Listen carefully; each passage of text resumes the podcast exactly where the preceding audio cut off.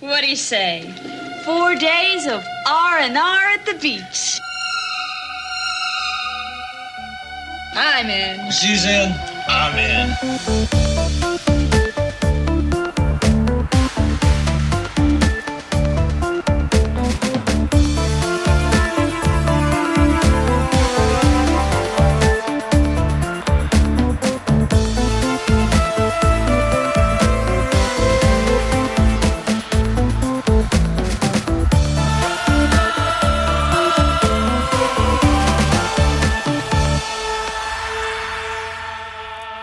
Skräckfilmspodcasten Vacancy avsnitt 156 med mig Erik Nyström. Och med mig Magnus Johansson som eh, kommer direkt från en fredagsöl på jobbet. Och eh, i min brevlåda låg det ett eh, paket från Amazon. Och eh, eh, när du öppnade ett paket sist så tyckte jag att det var spännande radio. Eh, Jag vet inte om... Om någon annan tyckte det. Nej, precis. Så jag tänkte att jag skulle öppna det här paketet. Se vad vi har. eh, fått Jag här. tycker att det är spännande i alla fall. Ja. Eh, då ska vi se. Jag har fått eh, eh, Don't Torture Duckling från Arrow Video då. Uh, Lucio Fulcis uh, Giallo. Jag har någon DVD på, av den, alltså väldigt gammal. Alltså, det är en tidig DVD-köp för mig. Och väldigt länge sedan jag såg den. Den här har ett väldigt tjusigt omslag. En sån där uh, man kan sätta upp på väggen egentligen. Ja, jag tror jag har sett den skymt. Jag följer ju dem på Instagram. De har ju, förpackar ju filmerna på ett sätt som gör att man blir sugen på att köpa dem. Även om man inte är så jävla sugen på filmen egentligen. Ja, precis. Jag har förhandsbokat den här eh, Carrie, flådiga Carrie eh, släppet som kommer nu i december. Just det, det gjorde jag med. I, innan vi kör igång så vill vi väl egentligen tacka för feedbacken på Facebook på det-avsnittet. Det var jättekul. Ja, roliga diskussioner och eh, ja, väldigt intressant. Det, jag, jag, jag tycker det är lite kul när det blir så här lite mainstream. För mainstream kan eh, tappa bollen ibland tycker jag med, med vad som pratas om liksom. Att man kan vara, bli lite slentrian liksom. Eh, ja, i, i det här fallet kanske inte rasistisk men sexistisk och sådär. Eh, ja, vilket den här filmen ju tydligt eh, lider av. Den, den tar upp saker som den inte riktigt eh, kan behärska lite. Nej, vissa saker om man ger sig in i dem måste man på något sätt ta ansvar för dem. Ja. Och det var väl en diskussion som dök upp på våran eh, Facebook-sida. Ja, som man gärna får fortsätta. Bara för att vi nu har eh, kläckt ur oss ytterligare ett avsnitt så fortsätter vi gärna diskussioner om tidigare. ja precis. Eh, på, på tal om det så, så ska vi väl slå ett slag egentligen för våran podcast på det sättet att vi är inte riktigt så eh, alltså tidsbundna egentligen. Alltså vi är inte så populära med så här ja nu har den här släppts eller nu har det här kommit på bio liksom. Eh, så man kan ju faktiskt kolla igenom våran back catalog. Eh, på vacancy.se eller då på iTunes eller så där alla avsnitt ändå ligger liksom. Vi har pratat om allt från eh, Fredagen den 13 serien till eh, Hopkins The Witchfinder General eller mexikansk eh, genre skräck från 80-talet. Så det finns lite av varje där. Vi fick även ett meddelande i samband med den här It-avsnittet eh, från en lyssnare som heter Martin som eh, också verkar vara eh, ett Stephen King-fan, precis som jag är. Och som uppskattade att jag hela tiden lyckas prata mig ganska varm om Stephen King. Som undrade vilka, vilken min favoritfilmatisering är. Ja, Eller egentligen topp tre. Och jag blir ju tråkig där. För, för den bästa filmatiseringen av en Stephen King-bok är för mig The Shining. ja, För den har så mycket mer. Och det, även det är ju en film vi har pratat om i ett tidigare avsnitt. ja. Skulle jag då nämna nummer, nu, ytterligare en eh, så kanske jag då eh, redan, re, redan nämnda Carrie. Eh, för den är, men jag gillar De Palmas sätt att hantera att göra film. Ja, precis. Jag gillar ju den också. Eh, och, ska jag då säga en tredje så finns det väl flera, men då, då plockar jag fram Children of the Corn. Som Ja. kanske inte är den bästa, men en sån där som har funnits med mig länge. Mm. Och som ju är en film och en filmserie som för dig och mig har varit ganska viktig i våra eh, uppväxt. Ja, precis. Jo. Jag kan slå ett slag då för eh, en eh, liknande podcast som oss. Eh, en svensk skräckfilmspodcast som heter From Beyond. Som just eh, eh, ganska nyligen ändå gick igenom eh, alla Children of the Corn-filmerna. Eh, någonting vi säkert kommer att göra någon gång. Eh, definitivt. Det känns, som att det, det känns som att det sköts på framtiden ett tag nu när de har sitt avsnitt ute. Ja, precis. Man kan lyssna på det. Just den podden är så rolig för att eh, vi kompletterar varandra på ett roligt sätt. Liksom. Om, om vi gillar en film så hatar de den och tvärtom. Eh, vilket jag, jag eh, personligen eh, gillar. Eh, det är skönt. Lyssnar man på ett avsnitt med oss där vi pratar om en film och man blir irriterad på att man, vi har en avvikande åsikt. Undersök då om From Beyond att prata om den. Ja, precis. Exakt. Och jag tycker väl någonstans även att vi, vi poddar eh, bara kompletterar varandra. Jag ser inte att man konkurrerar på något sätt. Nej, nej, nej. Jag ser verkligen inte någon som konkurrenter. Jag ser det verkligen som kollegor. Ja, Så, så, i, I branschen att bara prata om film och uppmärksamma eh, folk på, på filmer de kanske har missat. För det är väl det man lite grann vill göra med den här podden. Ja, precis.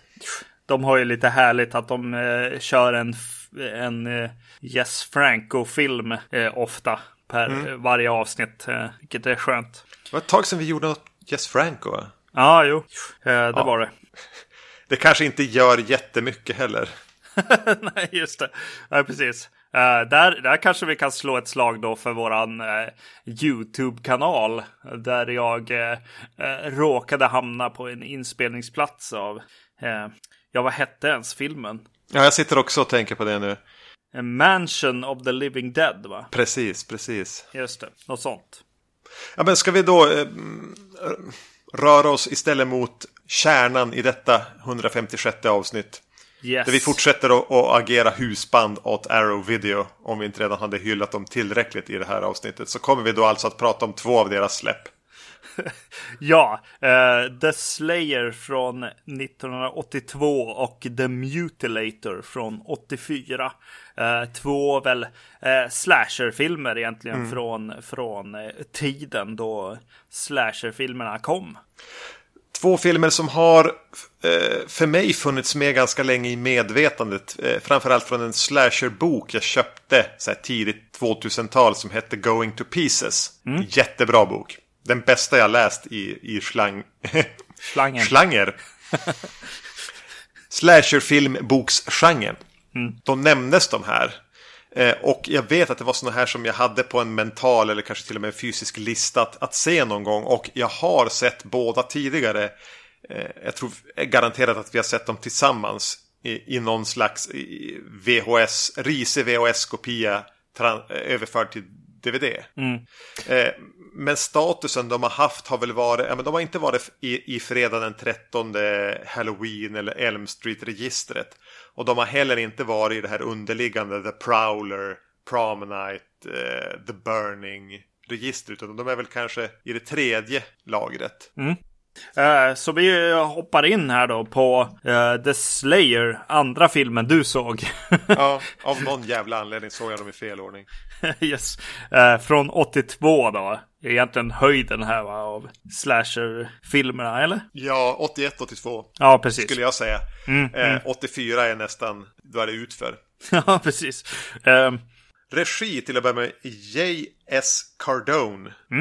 Eh, i- inget känt namn för mig, men han har skrivit och regisserat det här. Det här var hans första film. Det jag noterade var att han eh, verkar fortfarande, eller hade åtminstone för tio år sedan, en karriär som manusförfattare. Och ligger bakom manus till remaken på Prom Night och remaken på The Stepfather. Eh, Och gjorde väl ett antal eh, mer eller mindre bortglömda skräckfilmer under 80-talet också. ja, eh, precis. Eh, Prom Night Remaken var ju en film som du varnade mig eh, starkt för att inte se. Och så helt plötsligt så såg jag den och fick ar- arga ord från, det, från dig. Ja, vad fan, lyssnar du inte på vad jag säger? precis. Var det inte du som beskrev den som en film som inte har någon regissör? Att den är typ regisserad av kameralinsen. Ja, precis. Jo. Ja. Men det är, inte, det är inte kanske Cardones fel. Cardone. Undrar om man uttalar det där. Cardone låter jävligt coolt. Cardone. Jo, vi kör på det. Eh, han gjorde då eh, 1982 The Slayer. Som handlar om, eh, hur många är de? Är de fyra? De är sex. Det är väl tre par? Eh, Eller? Är det verkligen? Är de bara fyra? Jag tror de bara är fyra. Okej. Vi säger fyra. Eh, vi kan blanda ihop de här filmerna lite grann eftersom vi har sett dem back to back båda två. Jo men de är fyra stycken. Eh, huvudpersonen, hennes bror, eh, huvudpersonens kar och huvudpersonens brors eh, kvinna. De är inte fler. Detta är sant. De eh, är kanske i 35-årsåldern. Hon är eh, konstnär. Och, men har haft det lite jobbigt på sistone. Så för att slappna av, komma bort, så ordnar någon en liten retreat på en ö utanför USAs eh, sydostkust. Där de ska få hänga över en helg, dricka, slappa, bada. Så de åker dit i ett flygplan, blir avsläppta. De får veta att det är en storm på väg dit. Så det kommer vara svårt att ta sig därifrån inom de närmsta dagarna. Det dyker upp någon eller något på denna ö som eh, tar dem av daga. Ja. Ton eh, vill jag säga någonting om direkt i början. S- Slasherfilmen är ju så väldigt tonårsförknippad. Ja. Men det här är ju mer en, en vuxen pretto-slasher. Eller det, det är någonstans där anslaget ligger. Den har vuxnare karaktärer och anslaget har en liten arthouse-ton. Eh, ja, definitivt. Särskilt, eh, ja precis, det här anslaget i inledningen med en, en närbild på en klocka som, eh, som eh, går och en kvinna i profil som ser någonting genom en dörröppning. Eh, ja, du säger arthouse, jag tänkte på Italien direkt. Ja. Eh, och sen samma sak att, att de har en dialogscen sen i, när hon ligger där i, i sängen och, och förutom den lite klumpiga kameravinkeln på karn så, så känns det ändå ganska eh, italienskt. Jo, för mig. definitivt. Det slår mig, alltså vi pratar om Arrow, släpp här och så här. Ja. Eh, och att det här är en Blu-ray-film. Eh, det slår mig ganska snabbt att eh, får, får sån här film se så här bra ut? Får den eller ska den? Ja, precis. Jo, lite så. Eh, set decorationen är liksom eh, riktigt bra.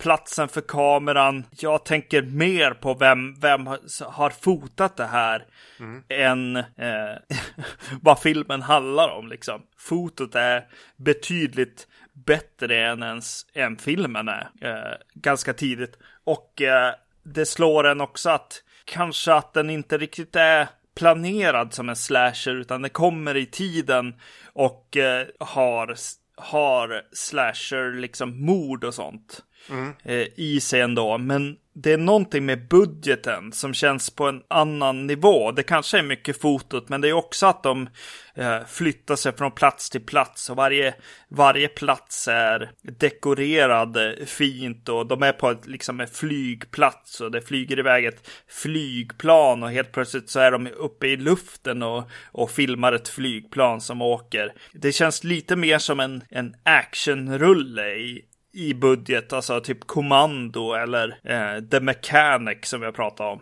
Eh, lite grann. Eh, Ja, det är ju någonting här med ambitionen. Som är hög. Alltså, man känner ju av att det är en lågbudgetfilm. Eh, någonstans, men att de kanske har lagt pengarna där det verkligen... Alltså att någon har varit strategisk. Va? Ja, men om, vi, om vi har med hela den här flygsekvensen så känns filmen dyrare. Eh, och, och som du säger, fotot är på en betydligt lyxigare nivå än vad man är van vid vid de här, som jag sa, tredje klassens slasherfilmer i någon slags status. Eh, och eh, jag håller även verkligen med att det här kanske inte riktigt var tänkt som en slasherfilm utan att den var mer tänkt som en liten så här eh, psy- psykologisk skräckfilm med lite som, som lutar sig lite grann mot, mot arthouse, lite grann mot Italien. Eh, och inte nödvändigtvis ha fokus på en tonårspublik. Utan Nej, lite precis. frikopplad det. Mm, jo. Eh, men ändå liksom när de kommer... Alltså en, en sak till är ju den här ön som de kommer till. Ja. Eh, som är ju en plats också som ger den här filmen lite extra. Och de hittar liksom eh, den här gamla eh, bio eller teaterplatsen som känns så här, som gjord för filmen på något sätt. Eh, Ja, men det, det är en helt fantastisk. De, de landar på en liten övergiven ö där man får en känsla av att det kanske någon gång var en så här blomstrande semesterö. Men att det börjar vara 30 år sedan. ja, precis. Och på den här ön finns det en, ja, men vad, man, man anar några andra byggnader. Men framförallt den här teatern eller bio eller vad det är som är förfallen och någon har bara varit där och kanske börjat riva den men släppt det. Och sen har väl bara stormar fått härja där. Och så är det huset som de bor i som någon ändå har underhållit och hållit i ett visst skick. Eh, och i övrigt är den ganska igenvuxen. Det finns palmer, det är men, snårigt, det är ganska fina stränder längs kanten och det verkar vara något så här vågbrytarfundament uppbyggda. Det är lite oländigt, nästan så att man anar träskmarker där någonstans. Det, jag tycker att själva platsen är, har en otroligt sär, säregen stämning och känsla som är kuslig och helt unik. Alltså om jag skulle säga eh, rangordna hemska platser i slasherfilm eller de bästa skådeplatserna för en slasherfilm. Crystal Lake är ett. Men det här kan fan vara nummer två. Ja, eh, det är härligt med det här huset också som, som ja men Dario Argento gillar ju liksom att, att välja ett fint hus liksom. Och eh, det huset som de har valt här känns eh, eh, väldigt häftigt liksom. Det känns Ja. lite som en borg. Medan det också känns som ett eh, eh, strandhus liksom. Det är häftigt på något sätt. Ja, det har en ganska unik arkitektur. Ja, det är lite kallt liksom på något sätt och boxigt liksom. Eh, mm, ja, Och hela, hela stämningen här är ju liksom karg och blåsig och samtidigt som man anar att det är rätt varmt för de badar ju. Det blir en sån här off-season känsla att de har åkt till det här till en eh, och förmodligen är väl sanningen där någonstans att, att de har spelat in på en plats som är en varm eh, eh, halv badort men att de spelar in det kanske i mm, oktober. Så att det blir en speciell känsla över hela platsen som jag, jag tycker är strålande. Ja, så är det ju verkligen. Eh, jag tycker att det är lite kul för att eh, de pratar i extra material och sånt eh, om just det här med att de försöker göra lite av en psykologisk thriller här. Eh, men ändå så blir det just att, att det blir en av de här kvinnorna som har det här liksom sjätte sinnet för skräckplatsen och känner att åh, det är någonting hemskt här. Eh, säger till och med this eh, place gives me the creeps. Eh, så de råkar ju göra en slasherfilm på ett sätt också här. Ja, precis. Det är som att de råk... De har inte kännedom om slasher tropes med Final Girl som ska ana och vara den vaksamma. Nej. Utan försöker, som du säger, göra någonting eh, mer psykologiskt. Men att de bara snubblar in i, i väldigt bekanta territorier. Det kan också ha varit något som har hänt efterhand på något sätt också. För att eh, sen dyker det upp ett mord här ganska tidigt. Eh, på en helt annan karaktär som inte har med historien överhuvudtaget att göra. Fiskaren där eller? Ja, precis. Ja. Mordet med åran. eh, som är ganska effektfullt rent, eh, ja just för specialeffekterna. Snyggt. Eh, och snyggt klippt framför allt. Eh, det blir effektivt liksom. Det, det, det gör ont det här. Ganska, alltså någonting som skulle bli ganska löjligt egentligen, tänker man. Eh, men som blir effektivt. Men just det mordet känns ju väldigt mycket påklistrat i efterhand lite grann. Ja, någon har eh, kommit in med pengarna och sagt du måste ha, ha ett till mord. Det är för långt. Det går för långsamt här helt enkelt. Eh, precis, jo. Och eh, filmen skulle ju vara densamma utan det mordet. Ja. Eh, det är lite kul för att det är en film som, ja men den låter sig tar lite tid. Eh, den, eh, visst, den öppnar med en sekvens med, med någon slags mardröm och eh, man ska redan där inse att, att huvudkaraktären, eller vad man ska säga, en av karaktärerna i alla fall, hon som presenteras här i början. Eh, hon, Kay heter hon. Ja, att hon ska ha lite problem med de här äh, mardrömmarna och att hon, hon målar saker som hon ser i mardrömmarna och sånt. Eh, men jag, jag känner ganska tidigt att vänta, har de ju tagit det lite för långt? För att de har ju verkligen sminkat henne som att hon mår dåligt lite, fysiskt också liksom. Känner jag så här. Hon är lätt överdriven. Alltså jag förstår inte hur någon kan vilja umgås med henne. Eller att någon ens skulle få idén att släppa med henne på den här eh, långhelgen. Nej. Eh, och alla andra, de lägger väldigt mycket tid av filmen på att de andra tre karaktärerna ska diskutera henne. Mm. Så fort hon inte är där så pratar de om, eller, och ibland när hon är där så pratar de bara om henne. Mm. Det blir snudd på löjligt. Ja. Jo, det blir det. Att, att, att, för mycket fokus hamnar på det. Eller något svårt med balansen. Mm.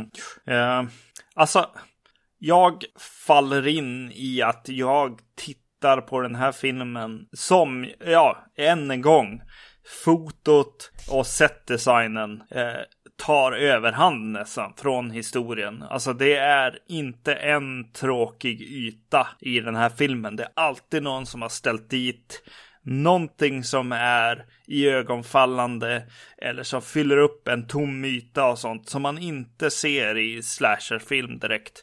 Nej. Och ljussättningen och fotot är, är riktigt bra. Eh, vilket gjorde att jag också ville ta reda på vad är det som händer här egentligen.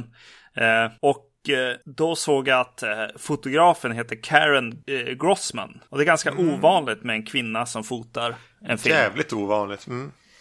Eh, och eh, det visar sig även på extra materialet att, att i och med att hon är kvinna, känns det som, så var hon tvungen att visa sig liksom duktig på något sätt. Eh, till, till exempel hade de tagit in, alltså det, det strök omkring eh, en fotograf som hon kände igen, en manlig fotograf för övrigt, strök omkring på inspelningsplatsen så här, som om producenterna var lite oroliga att hon inte skulle liksom klara uppgiften. Ja, men vad fan. Ja, mm. ja, precis. Hon har verkligen gått över all förväntan på något sätt här. Eh, förmodligen till viss del för att hon har varit tvungen att kämpa mer helt enkelt. Än vad en mallig fotograf skulle ha gjort. Det är min analys av det utifrån intervjuerna och även vad jag ser på filmen. Liksom. Eh, vilket är jävligt tråkigt. Ja, så av de slasherfilmer från den här eran är det ju en av de absolut snyggast, snyggt, snyggast fotade. Jag ska kika nu, har hon gjort något mer, Karen Grossman? Eh, kollade nu, Cinematographer. Mm. Efter The Slayer gjorde en Microwave Massacre från 83. Hon fotade ett avsnitt av tv-serien The Hitchhiker. Hon fotade en film som heter Thunder Alley. Hon fotade Hamburger The Motion Picture. Nu är vi framme vid 86. Eh, så om det är någonting man känner igen. Mm. nej, Shadow Zone från 90. Mm. Eh, Return to Green Acres 90. Pet Shop 94 är hennes sista credit. Ja. Verkar vara en comedy, family, sci-fi. Eh, nej, hon har inte kommit någonstans. Nej, precis. Nej. Vilket är jävligt synd, för det här är jävligt bra alltså. Ja. Eh, mm.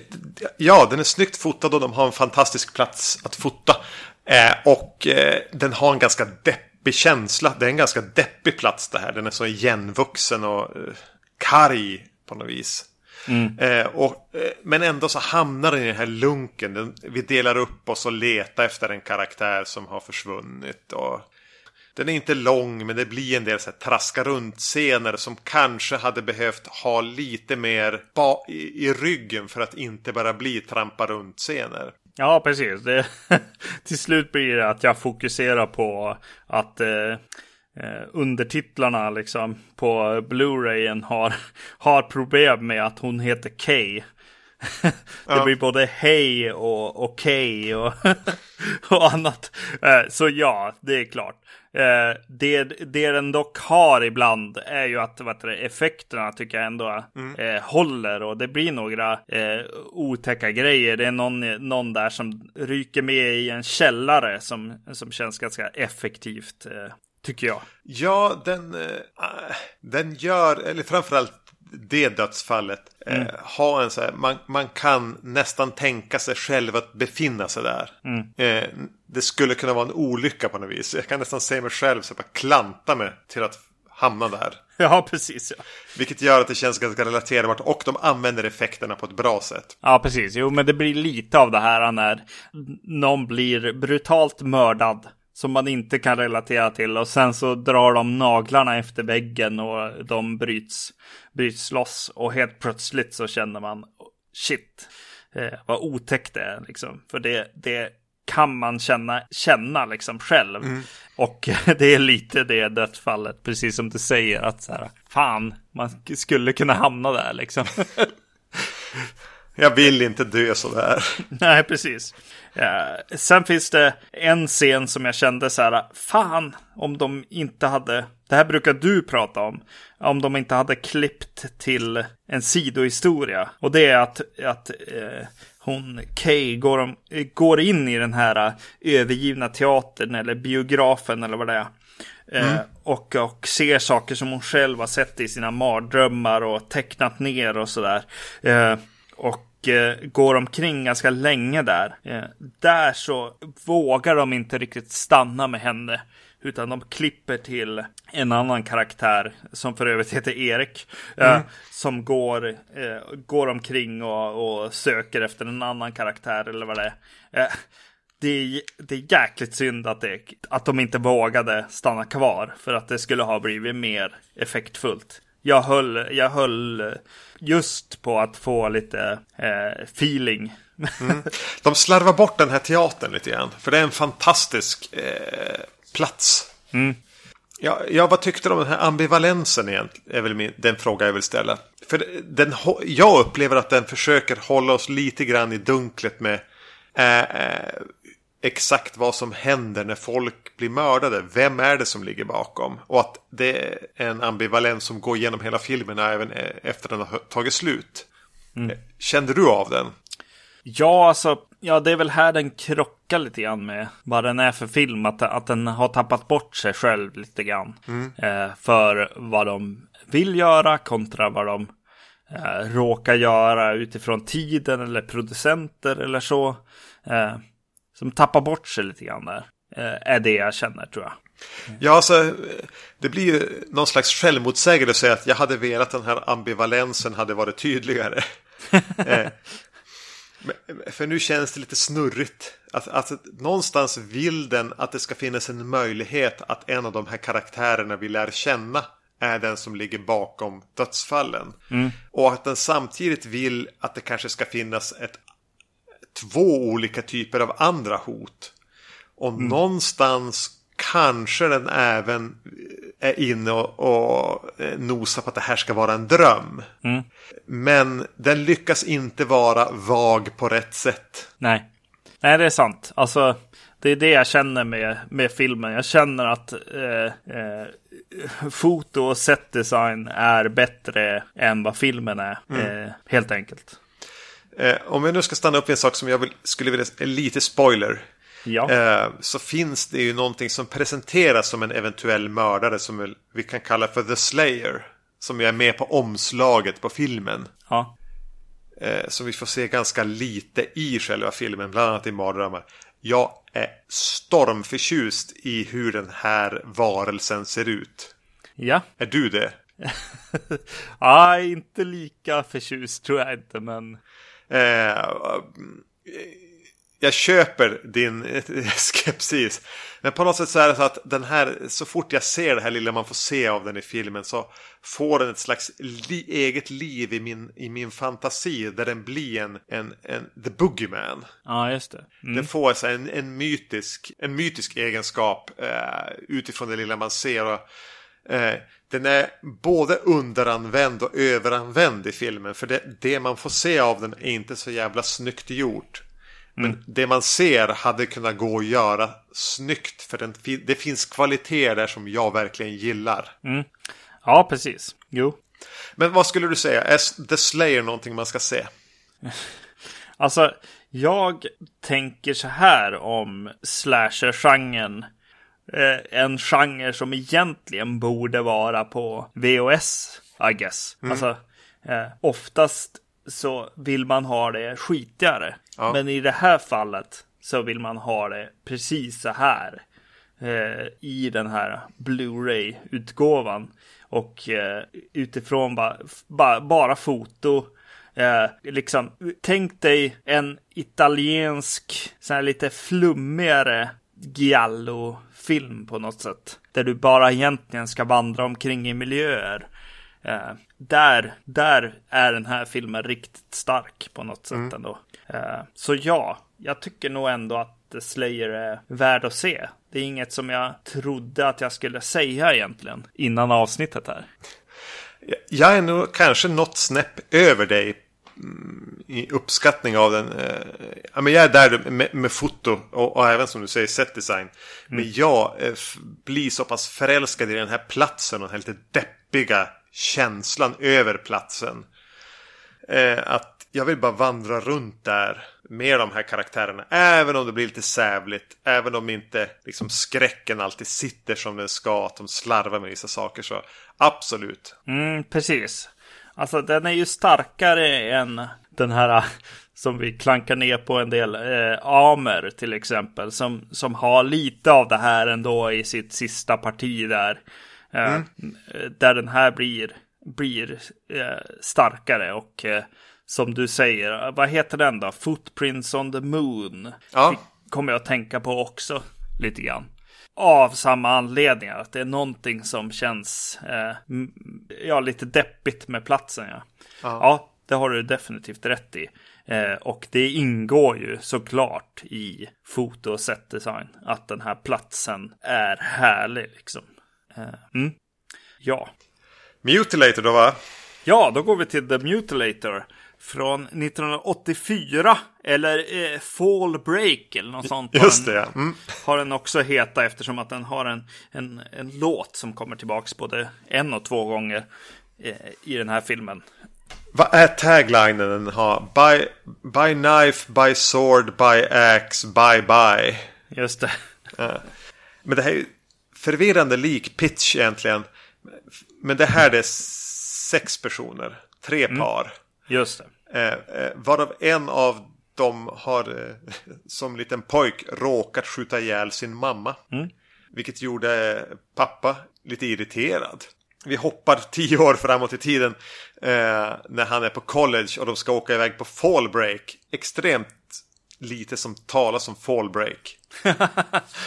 Eller de ska inte åka iväg men de får en möjlighet att åka iväg till hans pappa som nu är lite halvalkis men har ett, ett, ett eh, strandhus och, och stänga, upp, stänga det för, för säsongen. Visst är det det de ska göra? Ja, precis. Eh, så de åker dit, men där är det ju någon som, som börjar mörda dem. Ja, ja precis. Uh, och uh, det finns ju inga, inget som är spoilers i den här skulle jag säga. Utan det är, det är pappan som väntar på dem. Ja. och börjar döda dem en efter en helt enkelt. Uh, och det är väl hela den här filmens eh, största problem. Att det finns inga, inga spoilers överhuvudtaget i den här. Det är liksom en anti-giallo eller ja. anti-psycho eller ja, anti-spänning skulle jag nästan säga. De gör inte ens en reveal av när de avslöjar att pappan är i det här huset. Nej. Utan det är så otroligt avdramatiserat klippt till att han är där. Innan någon ens börjar dö så är, det, så är pappan där i garaget och liksom eh, sover och drömmer om att döda eh, sin pojke liksom eftersom att eh, mamman är död. Han har ju, ja. alltså det finns någon, någonting bra alltså, eh, och lite smutsigt i början liksom med att pappan kommer hem och ser mamman skjuten och börjar dricka och bjuder henne på på en drink och sådär. Och så, och, och, att de kommer dit och han är, han är nedsupen och, och sådär. Men sen så pass, tappar han liksom all typ av eh, spänning för mig. Det jag håller med, den har ändå en, en smuts, alltså den känns, för att vara 84 känns den oväntat 70-tal. Ja, jo, jo. Det ska jag ge den, definitivt. Mm. Eh, nej, men det är någonting med när man får mm, presenteras för pappan där som i princip vaknar upp i garaget. Ja. Och då får man en, eh, de kommer in så står det spritflaskor framme och, och att bara, nu har pappa varit här med sina superkompisar. Så ja. nämner han då. Eh, man får nästan känslan att pappan vaknar upp så här efter en rejäl och är fortfarande full. Mm. Han har super mer än någonsin. Han är inte bakis utan han har inte nyk börjat nyktra till än. Och det här är någonting, den utspelas väl i princip under en enda natt. Mm. Det här är någonting han gör på fyllan. Ja, just det lite den vibben, men, men som du säger, den har noll spänning. Mm. Eh, och eh, är ju, alltså om man har sett eh, The Slayer just innan så är den ju superbillig också. Och liksom, alltså så här, de öppnar garagedörren på kvällen, men sen när de byter bild eh, till inifrån garaget och ut, då är det, då är det dag. Mm. Och så kan de klippa tillbaks och då är det kväll igen liksom. Ja, den är eh, extremt slarvig. Ja. Och, och, jag vet att det är någon film, bland annat Herschel Gordon Lewis-filmen har jag kritiserat eh, för det och någon annan så här billig, billig film från ungefär samma period. Ni har klagat på dem för att man märker att de har spelat in det på en riktig plats. Mm. Men kamera och, och eh, crew tar så stor plats att eh, skådespelarna får bara gå så mot nära väggar hela tiden. Det blir väldigt, väldigt trångt ja. Ja. ja. Man får en känsla av att det är ett stort rum men att de är i en sjundedel av det. Mm. Jag tycker att när de bygger, de bygger upp det här mytosen runt pappan också. När de går omkring och tittar på alla hans resegrejer och, och flaskorna. Och han har ett inramat foto på på en uh, olycka som visar sig vara att han har kört, kört över en uh, person med sin motorbåt och så här. Uh, och bara en bild på, på det här offret så att säga. Med alla sår och sånt där. Ja. det blir lite ja men komiskt och bigger than life på något sätt. Eh, som kunde ta sig någonstans, någon slags tangen plats liksom. Ja men den får den här lite oväntade grejen som sån här, ja men Slumber Party Massacre 2 grej. Mm. Ja här är pappa som har ramat in en bild på någon han eventuellt råkade köra över med båten. Mm. Alltså det, det är ingen idé som hade fått gå igenom i en fredag den 13 film. Nej. Så, så, så eh, någon slags humor, någon slags lite otämjd känsla. Mm. Eh, för det här skriker ju verkligen av en låg budget och någon som bara till slut hoppade på slasher-tåget. Ja. en smula sent men sket i det.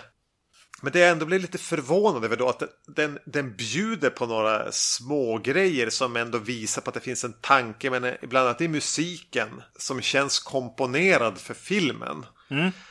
Den här filmen hade jag förväntat mig så här stock music. Att någon bara har slabbat på någon så här jobbig orgel med syntstråkar som kommer då. då. Men musiken är ju skriven för scener med, så de väver ju in Happy Birthday i början där. och att det är faktiskt någon som har gjort små stycken anpassade för scenerna som de är lagda på. Ja, just det. Och att de använder sig av lite foreshadowing. Bland annat med att presentera någon så här stor båtkrok. Eh, en viss karaktär och sådana små saker kommer tidigt som det sen nästan kan få gå en timme innan man får payoffen på. Mm. Att den gör de här små, små filmkrokarna ändå. Eh, förvånade mig lite. För eh, i viss mån känns det som en film som man har bara hittat på medan man har filmat. Ja. Dag för dag. På tal om att bli förvånad så är ju typ två kanske bilder i filmen som jag, som jag ändå blir så här eh, intresserad över hur de har. Och, och de själva blir ganska glada i att de har filmat det här syns ju också. Det är vid något tillfälle så är det några som ska ut i mörkret, alltså bredvid stranden då. Ja. som ligger utanför huset. Och eh, så filmar de inifrån huset ut genom dörren eh, som, som har en trapp just utanför sig. Och så är det två eh, orangea gardiner på varsin sida liksom av, eh, av framen. Och så sen eh, är natten liksom i mitten där som de går i- ut i. Eh, det kändes som bara, ah, ja, där var, det var ju snyggt i alla fall. Vad vad kul att ni fick till den. Men man tänker också samtidigt, varför stänger ni inte dörren efter er?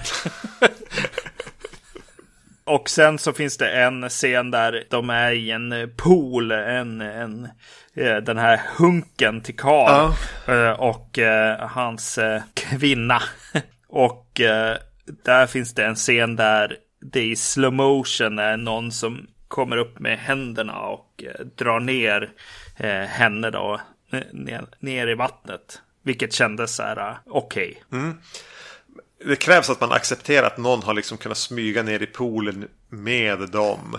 Ja, Och gör det här medan han liksom simmar en bit under vattnet. ja, Eh, men visst, jag har för mig att det är även någon, någon lite snyggare bild på så vågor som rullar in över stranden. För det här är också, precis som i The Slayer så, får man, så är det det här off-season känslan.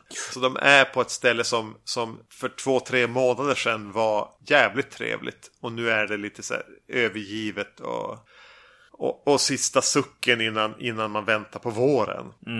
Eh, så det är en koppling mellan de här två filmerna vi valt att para ihop. Ja men det är inte något man ser i varje film. Men jag blev inte speciellt intresserad av det här. På nej. samma sätt som jag ändå blev i, i The Slayer.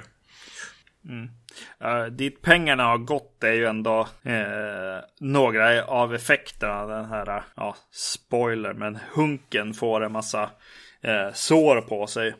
Eh, och eh, det är ju jävligt snyggt ändå, just, Ja. just eh, effekten i sig. Eh, foto, skådespeleri, nej. Men just eh, den som har gjort spe specialeffekterna har eh, lyckats här ändå. Jo, de har verkligen lagt fokusen på några, några va- utvalda sekvenser. Ja, ja, men som du säger, det är jättestolpigt skådespeleri. Eh, om, man, om man vet var man ska lägga ribban för den här typen av filmer så tycker jag det ändå är inom rimligheten. Eh, men, eh, ja, men om vi är inne på effekter så har ju ändå eh, effekter och mord. Så skulle jag säga att The Mutilator har en, ett jävligt obehagligt mord. Ja. Eh, och det här, för, för att återknyta till den här Going to Pieces-boken jag läste så vet jag att den författaren någon slags här efterord bara nämnde så här att ja, men när jag researchade den här boken och pratade om att jag höll på att skriva den eh, med mina vänner så, så fick jag alltid frågan vad är det värsta hit? Vad är det värsta du har sett? Och då, då hade, skrev han jag kommer inte ihåg vad det andra är faktiskt. Men alltså, han nämnde två scener. Varav en var The Behooking in the Mutilator. Ja. Och ja, det är, det är fan en vidrig scen. Ja, det är det. Som gör, absolut inte gör sig förtjänt. Alltså det är kanske därför jag blev, jag, blev lite lätt triggad av, av vissa saker som eh, vi pratade om på, i, på Facebook-sidan med det och sånt där. Ja. Eh, när jag just eh, har sett The Mutilator. ja, visst, man gör sig inte förtjänt av att liksom säga eh, ord eller ta upp liksom företeelser utan att avhandla dem på något sätt. Men eh, samtidigt alltså så jävla oskyldig det ändå är i det här. Eh, när den här scenen kommer. För den här är, gör sig ju inte värd sig någon, någonstans på något sätt. I, i, ja, I den här filmen överhuvudtaget. När det sticker ju ut för mycket. Ja, eh, det är någon som inte alltså fattar förrän det är för sent vad de har gjort på något sätt. För den är ju otroligt snyggt genomförd. Ja, precis. Och det är det som gör den att man... Eh, men gör inte så här. Nej, precis. blir min spontana reaktion. Ni, ja, ni gör det här jättebra men ni borde inte ha gjort det här. Nej, precis. Exakt. Så är det verkligen. Det känns som en punchline på att så här, den här kroken har hängt över en fisk och sådär. Alltså att det, det är något jävligt gubbigt och äckligt liksom. Eh, skämt på något sätt. Det här. Eh, ja, nej. Det är svårt att riktigt veta hur man ska förhålla sig till just det. Ja, Ja, ja. Ja, nej. det är inte, det nej. Det var inte, gjorde sig inte, ja, de gjorde sig inte värda av den scenen, definitivt inte. den hade behövt en annan film. Ja, alltså det finns, finns eh, filmer som ger sig ut för att gå över gränsen liksom. Men den här gör ju inte det. Nej, precis. Utan det hör hemma mer i, i, i något som vill provocera. Det här vill ju inte provocera. Utan det är bara, ja, det är ingen som tänker sig för. Eller ja, alltså så kan man inte säga heller. Det är bara vidrigt helt enkelt. Eh, tycker jag nog faktiskt. Ja, men den här Buddy Cooper som har gjort den har ju inte gjort någonting annat heller. Nej, Man blir lite imponerad av att de har lyckats hitta honom för att göra den här extra materialet som finns. Och jag såg faktiskt den här med introduction. Men jag lyssnade inte på vad de sa. nej. Eh, Han såg lite ut som typ en offentligt anställd Dario Argento. De, var- de var väl lite producenter, alltså alla de här. Ja, som gjorde den här filmen eh, fick jag en liten känsla av. Att så här, vi, vi ska ut och få lite pengar. Alltså den här scenen är ju en sak, men hela filmen är ju så jävla seg alltså. Alltså just det här att det inte finns någon twist eller någonting som händer egentligen. Utan den bara liksom pågår på något sätt. Och sen att, att scener blir eh, så pass dåliga att så här Ja, jag fattar att så här, eh, i mörkret så kan inte en kamera ta upp ljus överhuvudtaget. Så man måste ju fejka lite grann. Liksom. Men de, spe, de leker liksom en lek här. eh, där alla famlar runt i mörkret och försöker hitta varandra. Eh, som en, en liten eh, kul grej de gör tillsammans. Men det är ju pinsamt liksom. Det, det lyser in eh, solljus genom fönstren. Det är fullt belyst varje rum och så går det folk omkring folk och liksom fam, famlar och eh, låtsas inte se varandra. ja man köper det ju inte. Nej, nej. Eh, och, och då måste man ju någonstans, kanske när man gör filmen, backa och tänka, nej men okej det här fungerar inte. Nej, precis. Men de har ju inte bemödat sig med sånt. Nej, nej. Eh, Alltså omslaget är ju lite så här bara att rada upp lik liksom. Och det är precis det det handlar om på något sätt här. Eh, Det handlar om specialeffekterna och de var tvungna att göra en film emellan liksom. De här scenerna. De gjorde bara en jävligt dålig film emellan. Alltså så enkelt att bara inte visa pappan förrän i slutet. Ja, Och så bara, ja okej, det är i alla fall en C-slasher på något sätt. Ja, eh, ja, nej. Nej, jag blev lite provocerad av den här filmen. eh, återigen, jag blev inte lika provocerad. Eh, med det menar jag inte som i The Slayer att jag tyckte nog bättre om den än vad du gjorde. Här var jag bara mer eh, en axelryckning. Ja, men det är ju det den är, men jag, eh, det är det jag blir lite sur över. Alltså kämpa lite, gör lite bättre. Fan, jag skulle ha sett de andra vändan alltså. Det var jättefel att se Mutilator först och sen The Slayer. Man ska se The Slayer först och sen The Mutilator. För att verkligen kunna avnjuta det här avsnittet sen också. Yes. Det är en betydligt bättre dramaturgiskt upplägg på den. Ja. Eh, fångar även hur slasher-vågen såg ut. Ja. Musiken påminner om Jaws. Det är det sista jag vill säga. Förutom att jag var lite positiv till att de faktiskt hade ambitioner med att väva in så här Happy birthday to me eller nej det är en film. Man säger, den heter inte så låten. Happy, Happy birthday, to you heter den. to you heter den. Eh, jag ber om ursäkt. Nej, men, eh, så, så, så föll den sen in när det skulle vara spänning i att, att, att, att ha en musik som påminner om Jaws-musiken. Eh, förmodligen medvetet i och med att de är i och kring en strand i stora delar av den. Men den var väldigt fumlig då. Och när man vet att det är en haj så är, är det någonting annat man måste jobba med liksom i dramaturgin och sånt. Eh, och i den här filmen så gjorde de kanske då valde de att så här, vi ska göra hajen på land som vi har hört så många gånger. Men det är ju någonting mer man behöver då. Alltså som Maniac till exempel. Ja, Eh, för hajen är ju inte spännande utan På alla land. sina karaktärer och, och drama liksom. precis. Nej. blir bara irriterad. De borde, borde kämpa lite mer för sin konst här kanske. Ja, Eh, överlag så låter det ju ändå som att vi hellre skulle uppmana er att köpa och se eh, The Slayer. ja, ja. Det är en jättefin presentation från Arrow också. Eh, man kan väl egentligen inte klaga på den de har gjort kring The Mutilator. Men det är, det är en sämre film. Eh, Definitivt. ja. Jag kommer nog se om The Slayer. ja det kommer jag också göra. September. Det är en jävligt bra film för september alltså. Ja, Kanske början av oktober också. Eh, så där man inte riktigt har gett upp hoppet om att det ska vara sommar. Om man någonstans drömmer om att man skulle vilja åka någonstans. ja.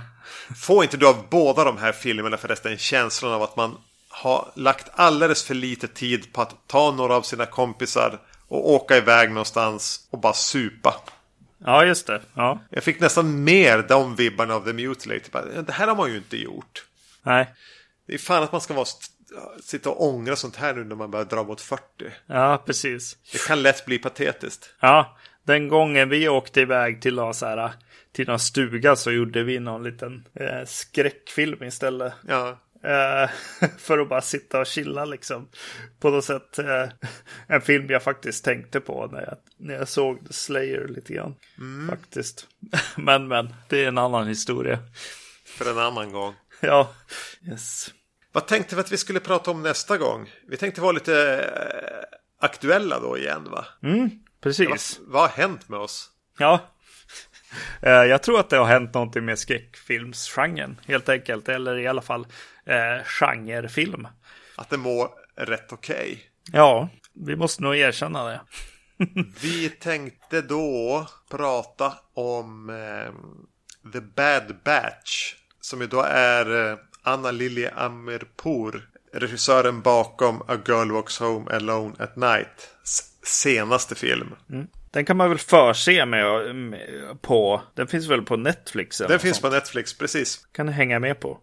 Ska kretsa kring eh, kannibalklaner på något vis. Och någon kärlekshistoria som jag förstått det. Ja. Och vi tänkte para ihop den med ett, en av 2017 års mest omtalade filmer. Nämligen, Eh, Raw. ja, Yes. som vill också ha någon, någonting med att eh, ha saker i munnen som man inte ska ha där. Antar jag. Jag har inte sett den så jag vet inte. Ja, det, har, det har den med att göra, ja. Ja. Yes. Eh, finns att hyra på iTunes. Det är där jag kommer att se den. Vi, ta, vi tar gärna fortsatta diskussioner antingen om It som sagt var eller om eh, The Slayer och The Mutilator på Facebook. Annars kan man eh, besöka våran sida på www.vacancy.se. Tack för att ni eh, har lyssnat. Yes. Hej då. Hej!